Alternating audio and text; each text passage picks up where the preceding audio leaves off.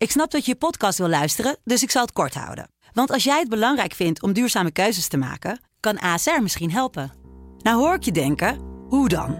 Nou, bijvoorbeeld bij het duurzaam herstellen van schade. Of de premies die we beleggen volgens ons duurzaam beleggingsbeleid. Dat bepaalt waar we wel en juist niet in investeren. Wil je meer weten over welke duurzame keuzes ASR maakt? Ga dan naar asr.nl/slash duurzame keuzes. ASR doet het. Zo, dan kan je nu lekker naar je podcast luisteren. Mijn dochter was mijn dochter niet meer. Nou ja, als ze niet zou doen wat hij uh, wilde, dan was hij de godvader. Dat zei hij letterlijk. Elke acht tot tien dagen wordt er in Nederland een vrouw gedood door haar partner of ex-partner. Ja, een half uurtje voordat het gebeurde heeft ze mij nog gestuurd. Ik heb hem eens goed de waarheid verteld. Hij weet precies hoe ik erin sta. Nou, een half uur later was ze er niet meer. Hoe kan het dat vrouwenmoord zo wordt onderschat in Nederland? Iedereen moet het gewoon weten. Hoe ernstig het is in, hier in dit land. Hoeveel het speelt. En zonder dat het eigenlijk bekend wordt gemaakt. Het komt pas naar buiten wanneer er een moordaanslag op je wordt gepleegd. Dan zie je pas hoe ernstig het is. In deze podcast ga ik in gesprek met nabestaanden van slachtoffers... de politie, officieren van justitie, advocaten, politici... en ervaringsdeskundigen op het gebied van huiselijk geweld. Want ja, wie is de volgende? Als om de acht dagen iemand wordt vermoord. Het is gewoon gevaarlijk. Je moet echt oppassen. Het is gevaarlijk. Welke fouten zijn er gemaakt en hoe zorgen we ervoor dat vrouwen veilig zijn, juist achter de voordeur? Ik ben Saskia Belleman, rechtbankverslaggever bij De Telegraaf. En ik ben Wilson Boldewijn, co-host van deze podcast. En je luistert naar aflevering 2. Zonder mij, niemand anders. In Oosterhout is vanmorgen een vrouw overleden na huiselijk geweld. Het drama speelde zich af in hun huis aan het Rubenshof. Hier is uh, sprake van een, uh, een, menselijk drama. Gruwelijk drama. De politie denkt dat er een conflict in de relationele sfeer aan vooraf ging. Conflict in de relationele sfeer. En dat er ook problemen waren in de relatie. De verdachte en het slachtoffer zouden relatieproblemen hebben. Het gaat in ieder geval om huiselijk geweld. Een melding van huiselijk geweld. Het ging om eerwraak, want ze wilden van hem scheiden. Er was toen informatie waar, wat inderdaad duidde op mogelijke eerdreiging. Ja, Tom, dus een... Uh, triest familiedrama hier in, in Oosterhout. Ja, je hoort het al, hè? Familiedrama, relationeel geweld, relatieproblemen. Het krijgt altijd een ander etiketje, terwijl het in feite gewoon gaat om moord of doodslag. Maar als het gaat om moord op vrouwen, dan wordt dat altijd op een versluierende manier in de publiciteit gebracht. Het klinkt bijna ja, een beetje lief, vergoelijkend ja. zou je haast zeggen. Is het misschien te voorzichtig? Omdat mensen nog zoiets hebben van... ik weet nog niet precies waar het om gaat. Want waar zou dat aan liggen dan, denk je? Ja, ik denk toch dat het daarmee al begint. De onderschatting van het probleem. Het was een relationeel probleem. Eigenlijk gaat het ons niet zo aan. Hè? Je moet er eigenlijk niet zoveel aandacht aan besteden. Het is iets dat tussen deze twee mensen heeft gespeeld. Maar feit is, er is een mevrouw dood. En ja, door de hand van haar partner of ex-partner. Dat is dus gewoon moord of doodslag. Waarom noemen we het dan niet gewoon zo? Ja, omdat waar we het in onze eerdere aflevering over hadden... Het is intern geweld, zeg maar, in een relationele sfeer. Dus neigen we er natuurlijk naar om het een familiedrama te noemen. Wat, ja, als je heel rationeel kijkt, is het een familiedrama. Ja, dat is het ook. Maar het is ook moord of doodslag. Ja. Dus ja, ja, ik denk op een gegeven moment, als je het een familiedrama noemt, dan klinkt dat eigenlijk alsof niemand hier schuld heeft. Nee, en of niemand er ook iets aan had kunnen doen. Exact. En dat is dus echt heel anders in de praktijk. En ja, de politie die stelt zich toch altijd op het standpunt dat ze zich niet moeten bemoeien met problemen achter de voordeur. Dat mensen die zelf moeten oplossen. In de vorige aflevering hoorden we Lucendi en Farisa, de zussen van Reagan. Maar hij kon het gewoon niet bekroppen dat ze het heeft uitgemaakt. Het is gewoon heel uh, naar, maar dat denk ik ook zo zinloos allemaal. Voor wat? Voor wat? Voor niks. Zo zinloos. En zo gruwelijk ook. Haar zus heeft meerdere keren aangifte gedaan tegen haar ex... omdat hij haar scooter had vernield of de camera's bij haar voordeur. Maar steeds werden deze aangiftes behandeld als op zichzelf staande problemen. Het werd dus nooit gezien als één pakket, maar ja, allerlei aparte aangiftes. Met als gevolg dat het werd weggezet onder vandalisme, onder vernieling, in plaats van onder stalking. Wat je dan ook heel veel ziet in de krant als zoiets gebeurt, familiedrama. Beestje wordt niet bij naam Het is gewoon moord. Het is geen familiedrama. Crime passioneel noemen ze dat ook heel vaak. Ja. En ik denk dat als het de dood als gevolg heeft, je ziet het uit de cijfers natuurlijk ook, dat het iets is dat wel serieus genomen moet worden. Dat het wel heel ernstig is. Ja, Saskia, hier hoor ik een eh, medestander in jouw ergernis. Ja. Ja, want een, een crime passionnel, zo zou je in sommige opzichten bijna heel veel misdrijven kunnen noemen. Dat het vanuit dat het moord vanuit passie Ja. plaatsgevonden heeft. Ja. ja, en dat is dan bijna alsof je het die man niet kunt aanrekenen. Hè? Hij was op de een of andere manier zo over, overmand door emoties... dat, eh, nou ja, hij kon het niet helpen. En dat is ja, een crime passionnel. Dat klinkt bijna nog romantisch, zou je haast zeggen. Maar dat is het natuurlijk gewoon niet. Femicide, die term gebruiken we. Maar daar ben jij ook niet helemaal een voorstander van. Nee, omdat het een beetje een te brede paraplu is. Waar wij ons in deze podcast toch wel vooral op richten is... mannen die niet kunnen verkroppen dat vrouwen hun eigen leven willen leiden... hun eigen beslissingen maken of hun relatie eh, beëindigen... en ja, op de een of andere manier daarop reageren... en op een hele gewelddadige manier reageren. Femicide is wat breder. Je kunt dat ook zien als vrouwenhaat. Nou, het is vaak zo in de gevallen die wij bespreken... dat het niet zozeer is dat deze mannen vrouwen haten. Nee, ze zijn waarschijnlijk zo ontzettend verknocht aan die vrouwen... dat ze het niet kunnen verkroppen, dat die een eind aan de relatie maken. En dat is eigenlijk de categorie waar wij ons op richten. En ik denk dat de term femicide een beetje tot verwarring kan leiden. Ja, en die term femicide, heel veel mensen begrijpen hem ook niet. Waaronder oud-minister van Volksgezondheid Ernst Kuipers. Er wordt heel veel naar uw ministerie verwezen als het gaat om femicide. Wat, eh, zegt u dat iets? Nee, help me heel even. Er zou eh, eh, maatregelen genomen worden, preventief, vanuit uw ministerie. Nou, nou, dan moet je me even helpen met het onderwerp. Eh, want maatregelen vanuit mijn ministerie. Eh, kijk, criminaliteit en, en eh, eh, zaken tegen vrouwen is een ontzettend belangrijk onderwerp. Kijk allereerst naar het, allereerst een onderwerp voor gesprek met de minister van JNV. Eh, en, eh, Dat dachten wij ook, maar die verwijzen de hele tijd preventief en een groot pakket. eh. het antwoord, eh, dat ik het antwoord even schuldig moet blijven. Ja. Ja, Saskia, dit is een beetje gênant. Want wat zegt het? Dat eh, destijds verantwoordelijk minister, hè, ondertussen is hij vertrokken... dat hij überhaupt nog nooit van eh, vrouwenmoord heeft gehoord. Nou ja, als een minister het al niet weet, dan moet het misschien toch wat harder gezegd worden, want het blijft moord of doodslag. En daar spreek ik deze aflevering over met Lia en Annemarije van den Berselaar, de moeder en de zus van Clarinda van den Berselaar. Clarinda werd op 8 september 2021 op brute wijze vermoord door haar ex. Op klaarlichte dag werd ze met meerdere messteken om het leven gebracht, notabene onder het raam van haar ouders en voor de ogen van haar eenjarige dochtertje. Wat moet ik zeggen? Ja, dat raakt je natuurlijk. De buurt is gewoon stil. Normaal is het een levendige buurt en zo. Iedereen, ja, altijd buiten. En nu merk je toch wel dat het heel stil is. Het is gewoon ja, onbeschrijfelijk. En ik heb er gewoon vannacht een paar keer van wakker gelegen. Het gebeurt in je eigen buurt, op een tijdstip, op een locatie waar je een supermarkt hebt, waar je een, een bejaardentehuis hebt en een school binnen een straal van maximaal 50 tot 100 meter misschien. Annemarije heeft een duidelijk idee waar het in onze samenleving misgaat. Daarom heb ik misschien ook een probleem met het woord femicide. Want femicide maakt het heel specifiek en zet het mooi gesegregeerd in een hoekje neer. Ik denk dat dat een foute benadering is, omdat ik denk dat het een escalatie is van iets wat wij systemisch zo georganiseerd hebben. En daar zou het gesprek over moeten en mogen gaan. Daarover later meer. Eerst het verhaal van Clarinda. Het bijzondere is dat zij werkte met gezinnen in crisis. Ze wist precies wat ze moest doen in gevaarlijke thuissituaties bij anderen. Ze heeft kinderen uit huis geplaatst, hen verdedigd in de rechtbank. Kortom, je zou zeggen dat ze alle kennis in huis had en toch ging het mis. Ze is begonnen in Amsterdam eh, als eh, gezinsvoogd. maar dat was nog niet bij de kinderbescherming. En kreeg ze zoveel gezinnen. En dat vond ze prachtig. Om die mensen ja, te helpen en, en kinderen te beschermen. Vrouwen die dan zeiden van we hebben niet eens gordijnen voor de raam. Nam ze mijn oude gordijnen mee. Ze was altijd in de weer met die mensen. En daar werd haar op een gegeven moment eh, te veel, omdat ze te veel gezinnen kreeg. En toen heeft ze de overstap gemaakt naar de kinderbescherming. Dus dat is specifiek voor kinderen te werken. voor de kinderen. Ja. Ja.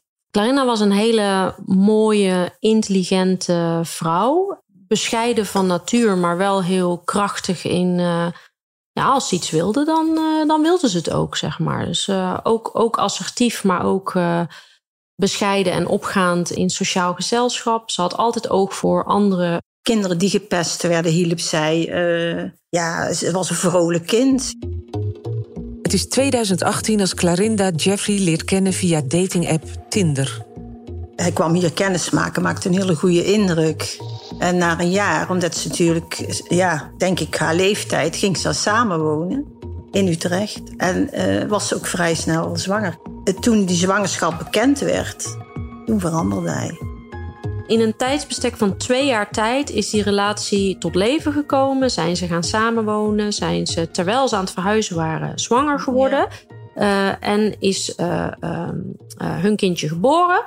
En zes weken later zat ze in één keer bij mijn ouders.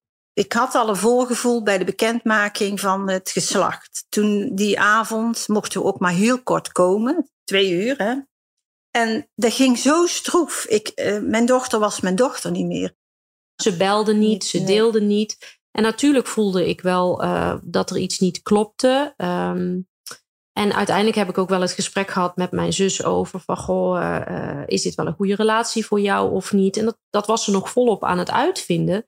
Terwijl ze net moeder was geworden. Ja. Terwijl ze net samen was gaan wonen. Terwijl het coronatijd was. Dus het was een absolute pressure cooker van dingen die gelijktijdig gebeurden. Die denk ik allemaal wel exemplarisch zijn voor uh, hoe je dit zou kunnen herkennen. Maar het is ook een atypische situatie geweest, omdat het in zo'n kort Korte tijdsbestek is geëscaleerd. Als moeder zijnde wist ik dat er iets was, maar niet wat. Toen zijn ook die mishandelingen begonnen, ja, in de zwangerschap. Mishandelingen van Clarinda door hem. En, maar dat wisten jullie niet destijds? Nee, nee destijds nee. niet. Nee. Niet op het moment dat het, uh, dat het gebeurde. Wisten we niet dat het escaleerde. Achteraf heb ik wel gehoord dat ze bijvoorbeeld een nacht in een hotel heeft gezeten... omdat ze angstig was uh, voor hem uh, terwijl ze zwanger was. Maar daar heeft ze niks over gezegd tegen ons toen. Wat ik merkte aan, uh, aan mijn zus is dat ze dus minder met grote zus deelde. en dat vond ik heel jammer, want wij hadden, ja, we hadden onze eigen manier van communiceren. Wij, als wij elkaar zagen, dan kletsten we de oren van elkaars hoofd. Maar wij waren niet uh, dat we tussentijds heel veel gingen bellen. Of, maar wij hadden een levendige chat.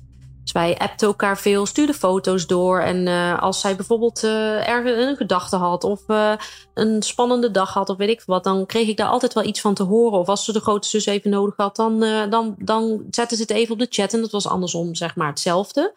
Dus zo onderhielden wij contact en dat viel stil. Dus dat viel mij wel op.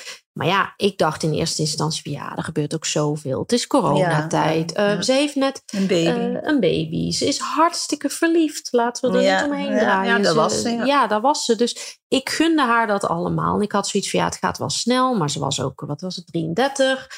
Je kon het allemaal wel plaatsen dat het zo'n soort verloop had. Maar je, je voelde ergens, tenminste ik voelde intuïtief ook wel van ja, iets klopt hier niet. Of wat, wat wat zit hier nou onder? Um, maar ja, omdat ik mijn zus heel erg respecteer, had ik ook zoiets van: ze is volwassen. Het is haar leven. Ik steun haar. En als ze me nodig heeft, weet ze dat ik er ben. En ik dacht dat dat voldoende was. Ja, je hebt er niet naar gevraagd. Nee, nou, nee, niet, zeker. Ja, natuurlijk wel. Toen ze na zes weken in één keer met kind uh, en katten uh, bij mijn ouders stond. Ja, dat was het eerste signaal waarop, waarop eigenlijk iedereen wel wist van oh, dit gaat niet goed. En dit komt ook niet goed op deze manier. Ik heb haar na zes weken opgehaald. En toen liet ze, had allemaal foto's gemaakt wat hij haar had aangedaan. En toen kwam ze hier en toen hebben we de eerste dagen wel eens even rustig eh, alles eh, laten bezinken. Ze heeft de aangifte gedaan. Heeft ze weer ingetrokken, want ze kwam er heel snel achter. Ze wilde die man nog een tweede kans geven. En mijn man en ik waren daar finaal op tegen. Finaal. Want ja, hij had haar al zoveel uh, aangedaan, waar wij dus toen pas wisten dat vooral mijn man, maar ik ook wel, die, ja, wij vertrouwden hem niet meer. Ik wilde mijn zus als volwassene wel serieus nemen. Dus ik had ook gewoon, ik had, ik had de strategie dat ik haar het vertrouwen gaf dat zij de keuzes die zij maakte, dat ik die zou ondersteunen. En dat ik haar gewoon zou zijn als zus voor haar. Dus ik respecteerde ook de grenzen daarin. Ook al had ik wel door van ja, hallo, uh, dit, dit moeten we helemaal niet willen. Maar wie ben ik om op haar plaats dat te gaan zeggen, terwijl zij zo verliefd is op die man? Dat is een dilemma geweest. Uh, dat, dat, uh, los van het feit dat ik niet wist dat het zo escaleerde. Maar goed, ze heeft hier drie maanden gewoond en ze wilde het toch weer op de rit krijgen. Dus mam, mag ik hem hier ontmoeten? Dat hebben we allemaal geaccepteerd. Ik kwam hier drie keer in de week. Ja, we hebben niet meer gezegd dus hallo en tot ziens. Maar goed, zij wilde het toch zelf weer op de rit krijgen. En mam zegt ze, ik heb de kennis daarvoor, ik werk, ik weet hoe dat moet. Ook tegen mijn man gezegd van, nou ja, goed, we hebben haar ook dat vertrouwen gegeven dat ze dat zou kunnen. Maar ja, dat is niet gelukt. Ik kan ook niet anders zeggen dat ze vanuit haar professie toen alles heeft ingezet. Ja. Dus er werd een voormelding gedaan. Ze hebben een therapietraject Ja. gestart. Ja. Ze heeft hem op afstand gehouden. Ze heeft eh, eh, wel bezoekregeling eh, voor vader met dochter geregeld. Ze ging zelf ook nog in therapie, omdat ze dacht van goh, waarom, waarom gebeurt mij dit? Dus heel verantwoordelijk en, en volwassen met die problematiek ging ze uiteindelijk wel om. Ja, en toen kwamen er wel weer signalen van ja, we gaan de therapie afbouwen. Nou, daar hadden mijn ouders vraagtekens bij, ik ook. Maar ehm, eh, ze overtuigden ons in ieder geval wel dat, dat ze een bepaalde rust thuis hadden gecreëerd. Ja, hij heeft ons nooit eh, zijn excuses aangeboden daarvoor. Want ons Corinna wilde ook niet dat wij daarover praten met hem. We we heel graag wilden, maar dat mocht niet. Dus ja, wij accepteerden wel dat hij hier binnenkwam. En ik heb hem één keer eten gegeven. Toen was ik aan het koken. Ja, hij wilde het wel proberen, zei hij toen in een heel kort gesprek. Ja, dan, dan geef je die jongen ook een, het vertrouwen weer. Omdat mijn dochter dat ook gaf. Clarinda en Jeffrey gaan het opnieuw proberen, maar wel apart van elkaar. Clarinda blijft met haar dochter in Utrecht wonen en Jeffrey vertrekt naar een studio in de buurt. Maar ze hadden dan nog wel eh, gezamenlijk eten, een soort bezoekregeling aan huis.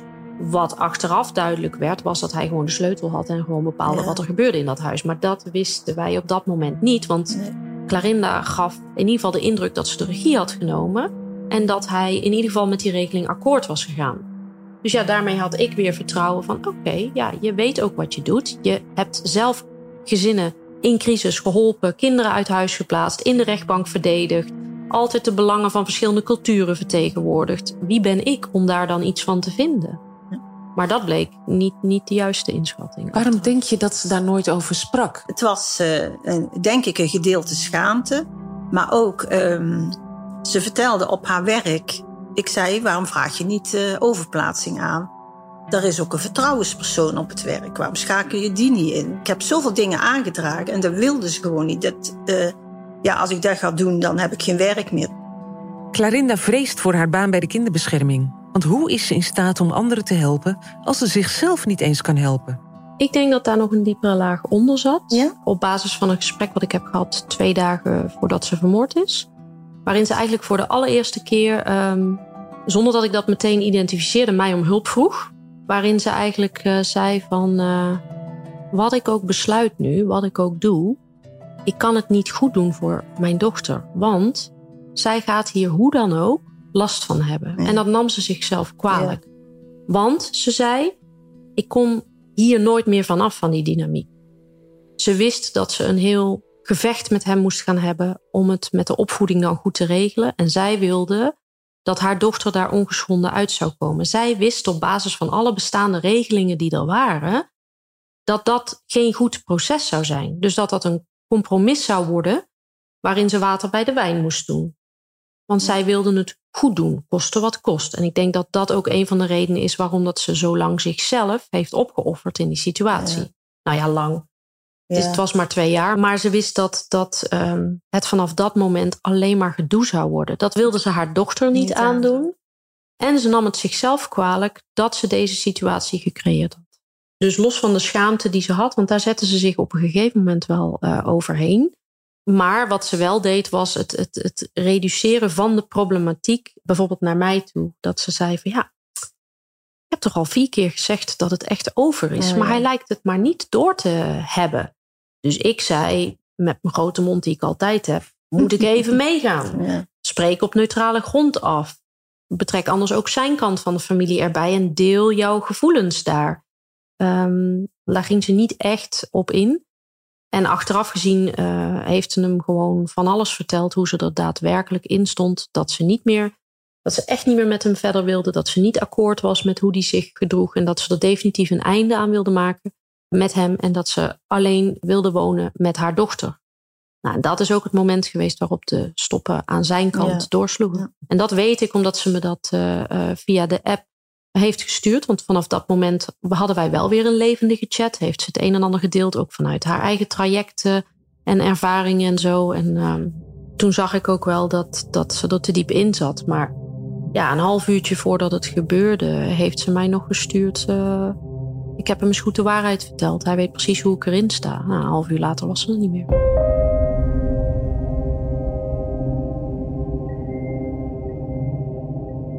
Een vrouw die vermoord wordt door een partner of ex-partner. Dat is mijn uitleg van femicide.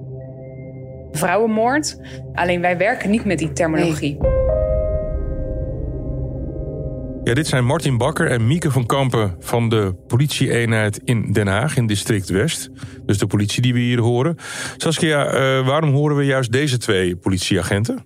Nou, wat wij hebben gedaan toen we de contact opnamen met de politie over deze podcast, uh, is dat we nadrukkelijk hebben gevraagd om agenten die op straat werken. Dus niet de mensen die van achter een bureau een beleid bepalen, maar mensen die gewoon in de dagelijkse praktijk aanlopen tegen dit soort problemen. Tegen meldingen van huiselijk geweld, gewelddadige mannen. Nou, en dat waren dus Martin Bakker en Mieke van Kampen. Zo zijn we met ze in gesprek gekomen. En ik heb hen gevraagd of ze het idee hebben dat vrouwenmoord voldoende serieus wordt genomen in Nederland. Ik vind absoluut van wel. En wij uh, benoemen het niet als femicide, uh, maar je hebt het al over dat iemand vermoord is.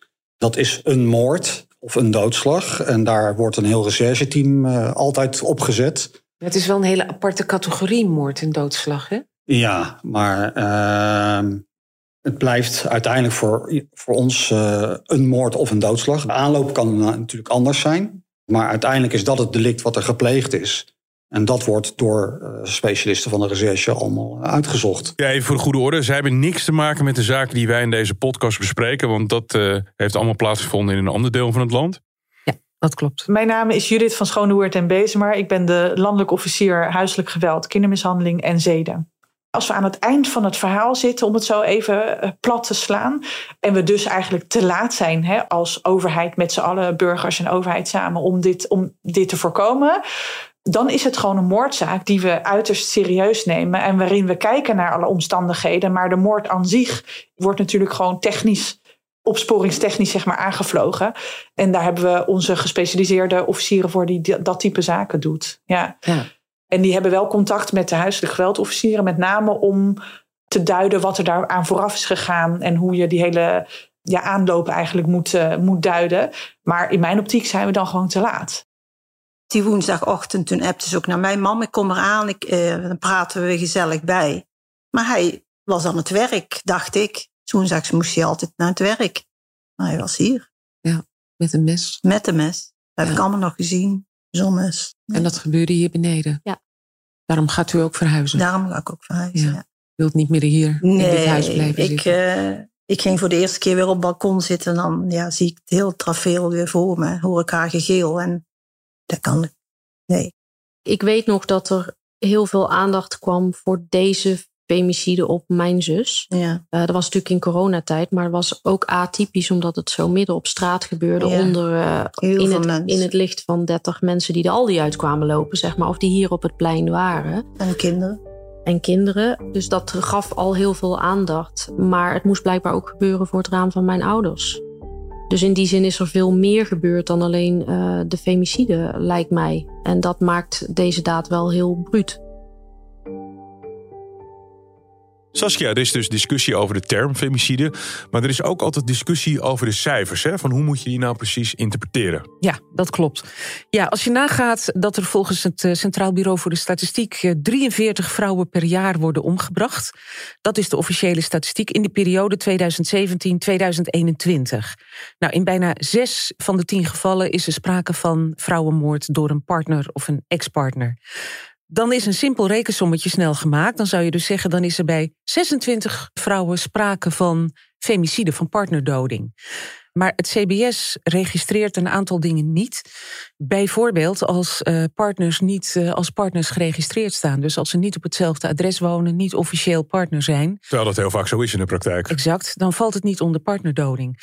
Als je bijvoorbeeld het voorbeeld neemt van uh, Mieke Oort, hè, de studenten die in Groningen om het leven is gebracht, dat valt dus officieel niet onder partnermoord, omdat degene die haar doodde haar partner niet was. Dat wilde hij wel zijn. Het was een, een versmade liefde, zou je kunnen zeggen. Mieke Oort was niet verliefd op hem. Hij wel heel erg op haar. Kon niet accepteren dat zij een andere keus maakte en dat zij een andere vriend had. En vervolgens heeft hij besloten om haar uh, het leven te benemen. En dat heeft hij ook bijna gedaan met haar vriend. Haar officiële vriend. Dat valt natuurlijk volgens het CBS officieel niet onder partnerdoding. Maar het is natuurlijk wel vrouwenmoord. En het komt wel voort uit zo'n doorgeschoten verliefdheid, gekwetste trots, niet kunnen accepteren dat een vrouw een andere keus maakt. Daar komt ook nog bij dat er vrouwen zijn die het slachtoffer worden die de Nederlandse nationaliteit niet hebben. Die, eh, die lijken volgens het CBS ook niet mee te tellen in de Nederlandse cijfers. En dan is er nog eh, een dark number van gevallen waarbij helemaal niet bekend is wat de relatie is tussen een man en een vrouw. Dat komt eigenlijk totaal niet aan de orde. Zo'n man wordt dan berecht, maar wat nou precies de relatie is geweest met een vrouw, komt niet altijd heel duidelijk tot uiting. Dus ja, de cijfers zijn inderdaad multi-interpretabel. Als je puur uitgaat van het CBS, dan wordt er dus één keer in de twee weken een vrouw vermoord door haar partner of ex-partner. Of dat het exacte aantal is, dat weten we dus niet. Het kan meer zijn, maar het leek me wel goed dat we dit issue nog even zouden bespreken. Eén keer is, uh, wat ik weet, is de wijkagent geweest, omdat er ruzie was. Dat moet een pittige ruzie zijn geweest, want die komen niet zomaar voor nee. de ruzie. Nee. Hebben jullie enig idee hoe, hoe, bij hoeveel instanties nou eigenlijk bekend was dat het niet goed ging? Bij de politie. Ze had zelf ook al uh, contact opgenomen met de wijkagent.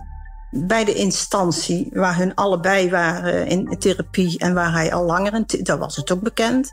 Bij die familie was ook bekend natuurlijk dat hij uh, streken had. Dus al met al wisten heel veel mensen het. Daar is er niks aan gedaan. Kijk, wij voeren een gesprek met zo'n uh, man. En dat heet een stopgesprek. Over het algemeen doen we dat, niet altijd. En dat is aan de ene kant heel normerend. Maar natuurlijk luister je ook naar het verhaal van die man. Ja. ja en soms ontdek je ook dat die man ja, ook uh, problematiek heeft. En misschien hulp heeft, uh, nodig heeft vanuit GGZ-zorg of heel andere problematiek. Of een advocaat. Dat hij gewoon juridische hulp nodig heeft. En dan verwijst wij iemand door. Hoe vaak gebeurt zoiets? Kun je daar een inschatting van geven? Als ik kijk naar Zoetermeer, dan voeren wij wekelijks stopgesprekken. Ja. Wekelijks? Oké. Okay. Ja. En, en dat heeft dan resultaat? Of? Nou, daar is, dat heeft iemand onderzocht. En die stelt dat dat in 50% van de gevallen resultaat heeft. Dus dat heeft wel degelijk heel veel zin. Ja, om, absoluut. Ja. Judith van Schoondewoord van het Openbaar Ministerie. Er is allerlei onderzoek naar gedaan. En de eerste twee weken van een stalking, dat is dus heel kort. Uh, daar is nog vaak de mogelijkheid om een stopgesprek te voeren. Uh, maar als je die twee weken grens over bent, dat noemen ze ook wel de magische twee weken grens, noemen de onderzoekers dat, dan is de stalking min of meer al verhard en heeft een stopgesprek geen zin meer. Hoe reageren ze als je met ze praat? Dat is heel uh, verschillend. de een is schuldbewust en de ander reageert van ik heb geen idee dat het niet gewenst is. En alles daartussen. En soms klopt het ook, want dan blijkt dat het slachtoffer eigenlijk niet eens weerbaar genoeg is om, om tegenstand te bieden. En eigenlijk meer alleen maar met een hulpvraag naar de politie gaat. En dan blijkt dat ze inderdaad niet eens duidelijk heeft laten weten dat het niet gewenst is. Maar dat, dat kan natuurlijk angst zijn. Eens. Ja, nee, daarom. Het is ook niet een verwijt naar die slachtoffers, maar dat merk je wel eens. We zijn afhankelijk van de informatie die we, die we ontvangen van de slachtoffer, van de omgeving. Hoe zit Veilig Thuis in zijn informatie? Je gaf net een aantal partners aan die hierbij betrokken zijn bij hoe stemmen we af. Maar het Openbaar Ministerie is natuurlijk ook echt een enorm belangrijke partner om uh, in af te stemmen. Want wij kunnen wel zeggen, wij vinden een stopgesprek in dit geval uh, uh, meest passend. Maar is het Openbaar Ministerie daar ook mee, mee eens? En dat is jullie een... toestemming hebben van het OM om een stopgesprek Nee, maar we vinden wel die afstemming met elkaar plaats. Het is ook zo afgesproken. Het lijkt mij nou typisch zo'n beslissing die jullie zouden kunnen nemen zonder tussenkomst van het OM, toch?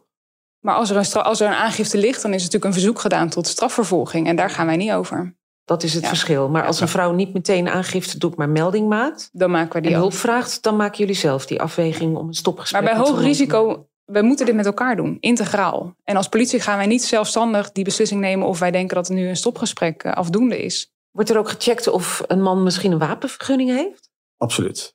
Iedere melding uh, kijken wij naar de personen die erbij betrokken zijn. En wij kunnen direct zien bij iedere persoon of iemand wel of niet verlofhouder is. De politie zoekt dus wel degelijk informatie op over een verdachte als ze een melding binnenkrijgen. Maar kijken ze ook naar zijn verleden?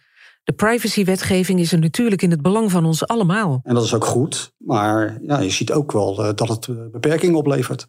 Je hebt hem ook uh, soms te maken met mensen die uh, gewoon een psychische problematiek hebben. En die worden behandeld. Ja, dan willen wij dus daar ook wat meer over weten. Maar dat is medische informatie. En die krijgen ja, jullie ook niet als Absoluut politie? niet. Dan krijg je gewoon echt 0,0. Terwijl je die eigenlijk wel nodig hebt om te kunnen beoordelen of iemand een gevaar is vanuit zijn stoornis wellicht. Ja. Dat zou misschien ook veranderd moeten worden? Als aan mij zou liggen wel, maar ja, daar gaat, daar gaat er heel wat uh, meer overheen dan. Maar ja. dat zou helpend zijn, ja.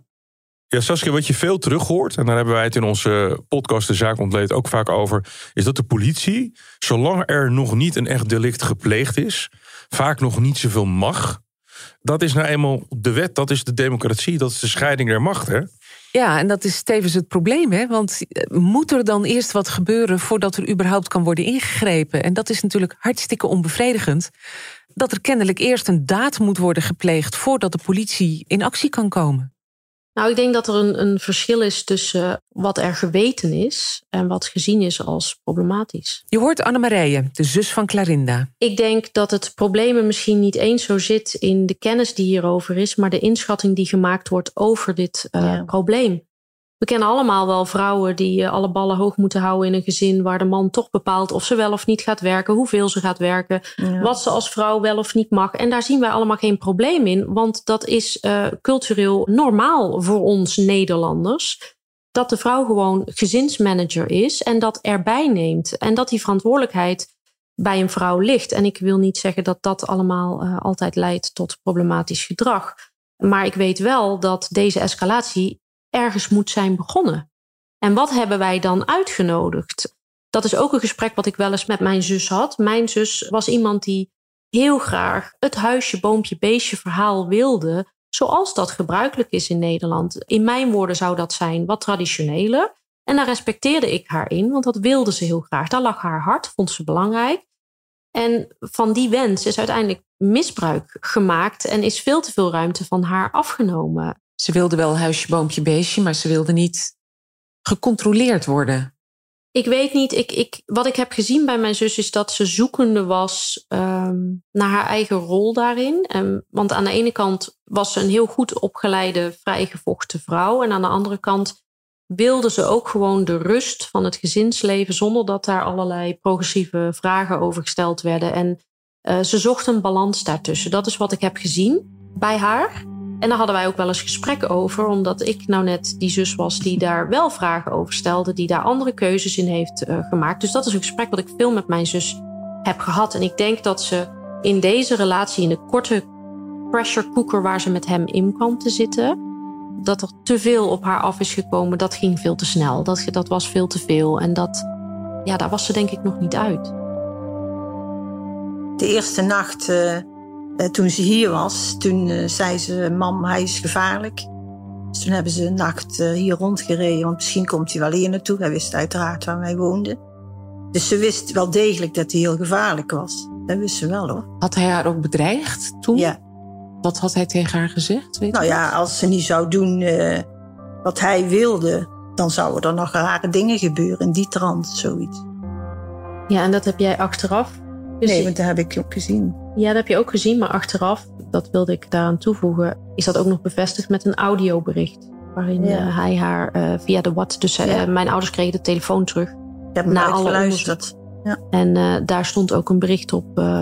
ja, dus dit is niet verzonnen of een interpretatie nee. van mijn ouders. Dit is nee. gewoon waar. Als ze niet zou doen wat hij wilde, dan was hij de godvader. Dat zei hij letterlijk als we daarin aanbeland zijn, er is een verdenking, dan kunnen we wat hè, als politie en de OM. Dan kan je een aanhouding verrichten of andere middelen inzetten om meer zicht te krijgen op hoe ziet die stalking er nou uit. Wat voor gedrag vertoont deze persoon nou? Hebben we een zaak? Kunnen we hiermee naar de rechter? En dat zijn dingen waar we dan naar willen kijken. En als we denken dat iemand onveilig is, dan gaan we met Veilig Thuis op de lijn. hey, deze mevrouw loopt ernstig gevaar, wat ons betreft. Um, dus jullie moeten daar ook wat mee. Na de moord op Clarinda vindt Annemarije een opmerkelijk briefje bij haar zus thuis. Het is een lijstje met dingen die ze dolgraag weer zou willen doen in de toekomst. Simpele dingen, zoals lipstick dragen, afspreken met vriendinnen, reizen, lekker uit eten gaan samen. Annemarije vond het briefje nadat de recherche het sporenonderzoek had afgerond. Het eerste is dat briefje heb ik gevonden toen ik in het huis kwam. En dat was na afloop van de zoektocht naar sporen van de instanties. Ik vind het typerend dat dat briefje niet is meegenomen. Want dat was uh, wat mij betreft een signaal van ernstige uh, mishandeling of misbruik. Ik vind aan de ene kant het een typerend profiel van mannen in relaties, in relatie met vrouwen. Waarbij mannen controle willen en toch het hoofd, het hoofd van het gezin zijn en blijven en dat ook willen nastreven. En dat is zeker iets wat hij traditioneel wilde naleven, dat weet ik. Ja. Ik weet ook dat hij lijdt aan bepaalde stoornissen en dat er iets mis is met hem. Ja, en het rechercheteam heeft dit cruciale briefje gemist. Ja, dat mag je wel zeggen, ja. Onbegrijpelijk. Clarinda was in gesprek met meerdere hulpverleners. Zij en Jeffrey zijn in therapie geweest. De politie was op de hoogte van de situatie. Waarom werd dit ja, toch wel wanhopige briefje niet opgemerkt als bewijs voor ernstige mishandeling en misbruik? Je hoort Martin Bakker van de politie-eenheid Den Haag. Het meest complexe in dit is, is uh, samenwerking met partners.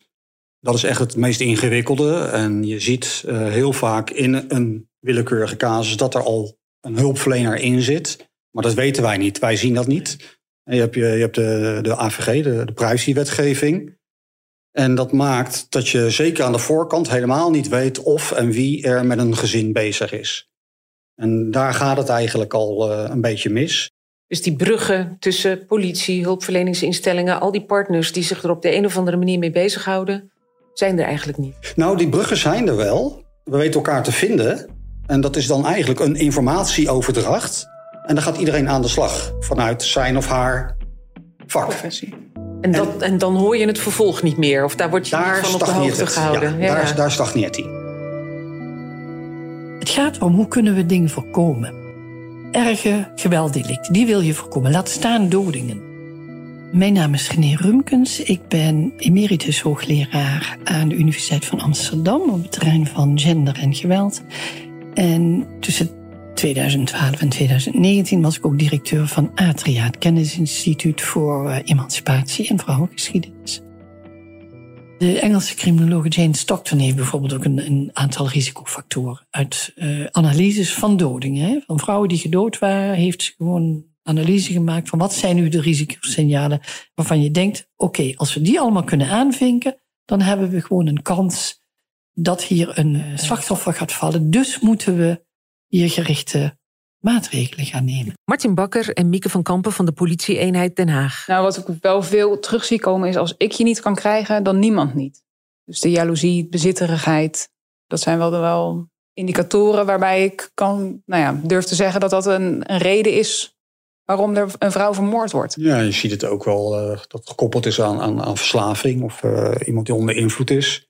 Dan uh, een stalker is lange tijd rustig en opeens staat hij midden in de nacht stomdronk op de stoep weer bij zo'n slachtoffer. En soms ook dat mensen helemaal geen zelfreflectie hebben en ook helemaal niet eens inzien dat ze fout bezig zijn. Maar het kan ook een rechtszaak zijn wat op de planning staat waardoor iemand heel onrustig wordt. Langdurig geweld al in de relatie, werkloosheid van de man, drang-drugsproblematiek, schuldenproblematiek. Dus dat je echt een multiproblematiek thuissituatie hebt, waarin er een heleboel problemen op elkaar in gaan werken. En dat uh, als werkloosheid van mannen er dan nog eens bij komt, dan zie je ook dat het gaat over dat dat zelfbeeld van die mannen totaal aan gort ligt. En dat het scheiden van de vrouw dan die druppel wordt, waardoor ze denken, als dat ook nog wegvalt, dan uh, heeft het allemaal geen zin.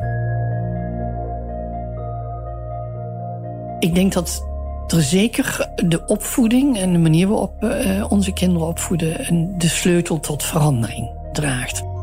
En dat met name jongens nog steeds worden opgevoed, meer dan meisjes, met je wordt groot en sterk en je wordt onafhankelijk van vader en moeder, door vooral die afhankelijkheid van moeder achter je te laten. Je moet die ontkennen. Dat is mannelijkheid. Het ontkennen van je afhankelijkheid van een vrouw. Dus dat de binding voor een dochter met een moeder. Dit is een psychoanalytisch complex verhaal hoor. Maar dat dus die voor een dochter het erkennen dat je verbonden blijft aan die moeder veel minder uh, belast is Omdat je zelf een vrouw bent en je ook zeg maar, in je persoonlijkheid als uh, je uh, genderrol, zal ik maar zeggen, gaat voegen naar vrouwelijkheid. De vraag is ook: hebben wij ons ooit ontdaan, losgemaakt van de opvatting wat maakt een, een man of een mens dan? Laat ik beginnen met een mens, maar dat is in de geschiedenis vooral de man geweest, machtig. Nou, dat is als je dingen bezit. Eigen land, vrouw of vrouwen, vrouwen, ja. en bijvoorbeeld geld ja, de vrouw hoort er niet in dat rijtje thuis. Maar Nee. goed, dan moeten we wel eh, tegen een hele historische berg eh, op om dat te kunnen deconstrueren. En dan moet je willen en dat gesprek moet je aan willen gaan. Saskia, als jij erover schrijft en dan vervolgens op Twitter kijkt, dan zie je heel vaak de Pavlov-reactie. Ja, maar dit is eerwraak. Dit zijn andere culturen in Nederland waar het veel eh, voorkomt. En wij, dan eh, gaan we even een zwart-wit tegenstelling hier hebben, doen dat niet. Nee, en dat is dan ook meteen een middel om het niet serieus te hoeven nemen. Hè? Dat is iets van andere culturen. Dat gebeurt gewoon niet bij ons. Maar het is dus niet zo. Je ziet in de praktijk dat vrouwenmoorden voorkomen in alle culturen. Ja, het gebeurt soms ook uit eerwraak, maar dat is het lang niet altijd. Ik herken het, het gesprek over dit soort onderwerpen dat er gewezen wordt naar geïmporteerde culturen. Zowel door vluchtelingen als andere geloven, religie, et cetera. En dat is onterecht, denk ik. Ik denk dat we te weinig eh, naar onszelf kijken. Dus misschien is het zo dat we te weinig eh, hand in eigen boezem hebben hoeven steken. De urgentie was er gewoon niet. Je hoeft maar te kijken eigenlijk naar eh, die 43 dode eh, vrouwen per jaar in Nederland. Als je daar de kleuren en de culturele achtergronden bij haalt, dan zie je dat het niet alleen maar te maken heeft met culturen waar eer bijvoorbeeld een achtergrond is. Eerwraak is ook, of eergerelateerd geweld is, is soms een factor, maar ook heel vaak niet. Nelleke Stolk, slachtofferadvocaat in Rotterdam. Het is natuurlijk eng hè, als je je realiseert dat net zoveel Nederlanders als anders culturen, dat het daar gelijk voorkomt. Wat dat betekent dat het jou en mij ook gewoon kan overkomen. En dat is ook zo. Het is veel veiliger om te zeggen van nee, wij komen niet uit zo'n eh, gezin. Wij kennen dat woord eerwraak niet, dus bij ons zal het niet gebeuren. Ik kan spreken voor Zoetermeer. En als ik kijk naar stalkingszaken, ja nee. Dat gaat echt alle kanten op en daar, daar kun je echt helemaal geen lijn in trekken. Kijk, wat er misschien gedacht wordt door mensen... is dat er ook eergerelateerd eh, geweld is. En eergerelateerd geweld wordt direct gekoppeld aan, aan een bepaalde cultuur.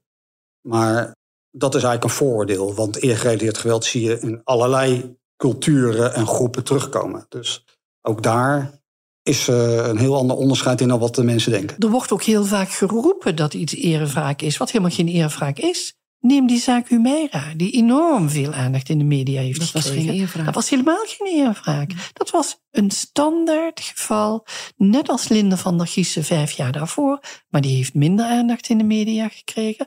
Wit vrouw, witte man. Zij verbreekt de relatie. Hij heeft moeite om dat te accepteren. Stalkt haar, bedreigt haar. Zij gaat ook naar de politie. Allemaal identiek als de Humeira-zaak. Het wordt onvoldoende serieus genomen. Maar wat je dan ziet is in de media dat die Humeira-zaak inderdaad, ik ben het woord eerwraak ook meer dan eens tegenkomen, had er nul mee te maken. Dus dat er een grote gelijkenis is tussen Nederlandse mannen die enorm jaloers zijn en gekrenkt als een vrouw de relatie verbreekt.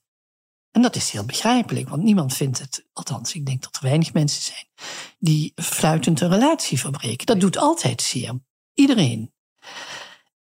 En dat je het niet wilt en, en je er tegen verzet, is ook nog begrijpelijk. Maar dat er dus een identieke psychologische dynamiek is bij Nederlandse mannen als bij Turkse of Marokkaanse mannen, of weet ik welke achtergrond heeft.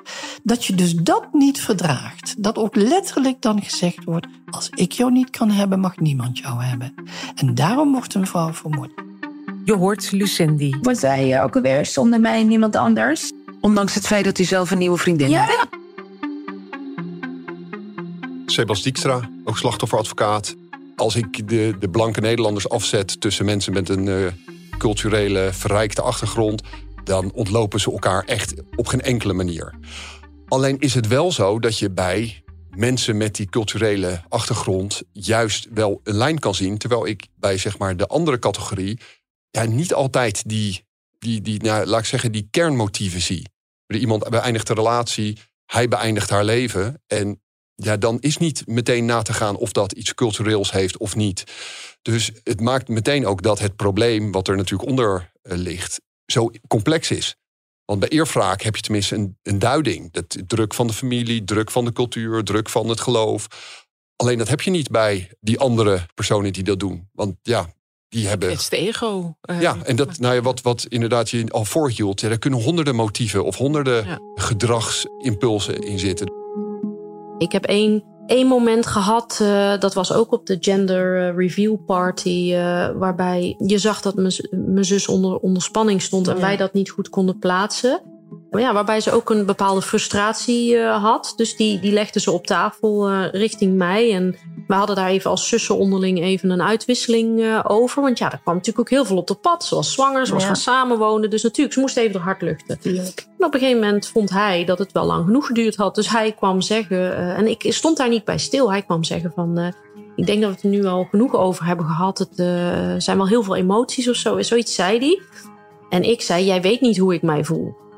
En ik heb daar toen helemaal niet bij stilgestaan. Want dat, zo reageer ik gewoon eh, eh, altijd eh, als iemand zo... Nou ja, goed. En achteraf gezien heb ik daarbij stilgestaan dat ik dacht... oh, dat had dus blijkbaar niet gemogen. Want vanaf dat moment heb ik geen gesprek meer met hem gehad. Maar dat ging ook heel subtiel dat hij uit beeld verdween. Maar daarmee ook uiteindelijk mijn zus steeds meer afstand van mij nam. Dat ik denk, oh ja, ik mag in feite daar helemaal niks over zeggen. En ja, hij heeft geen vat gehad op mij. Maar ik kan me ook voorstellen dat mijn zus eh, eh, dacht dat ze dit zou kunnen, gezien al het werk en alle kennis die ze heeft gehad. Maar dat is het hem nou net. Met kennis alleen komen we er dus blijkbaar niet. Want ze wist precies wat ze allemaal moest doen en ze liep ontzettend veel gevaar. En dat heeft ze zich misschien niet voldoende gerealiseerd? Ze heeft zich gerealiseerd dat het systeem vastliep met betrekking tot begeleiding van haar als vrouw in zo'n situatie. En dat heeft ook haar kijk op het werk veranderd. Ze werd kritischer naar haar werk, ze werd kritischer naar hoe, hoe zijn we dit eigenlijk aan het doen. En ik zag ook op een gegeven moment dat ze daaraan begon te twijfelen van eh, ja, wie, wie ben ik nou nog om dit te kunnen doen? Een systeem dat vastloopt omdat vrouwen niet goed worden begeleid. Het is een systeem dat zich vooral richt op het slachtoffer in plaats van op de dader. Hoe een vrouw hieraan onderdoor kan gaan, hoor je volgende week in aflevering 3 van Zij is van mij, de overlever. Na de tweede opvangopname en was ik thuis. En toen eh, stond hij weer bij mijn woning. Toen heeft hij mijn deur gegooid en mij geprobeerd te vermoorden. Zij is van mij is een podcast van de Telegraaf. Gemaakt door Kelly Valk, Marieke Mager en mij, Saskia Belleman. Presentatie is in handen van Wilson Boldewijn. De muziek die je hoorde is gemaakt door Robin Mulder.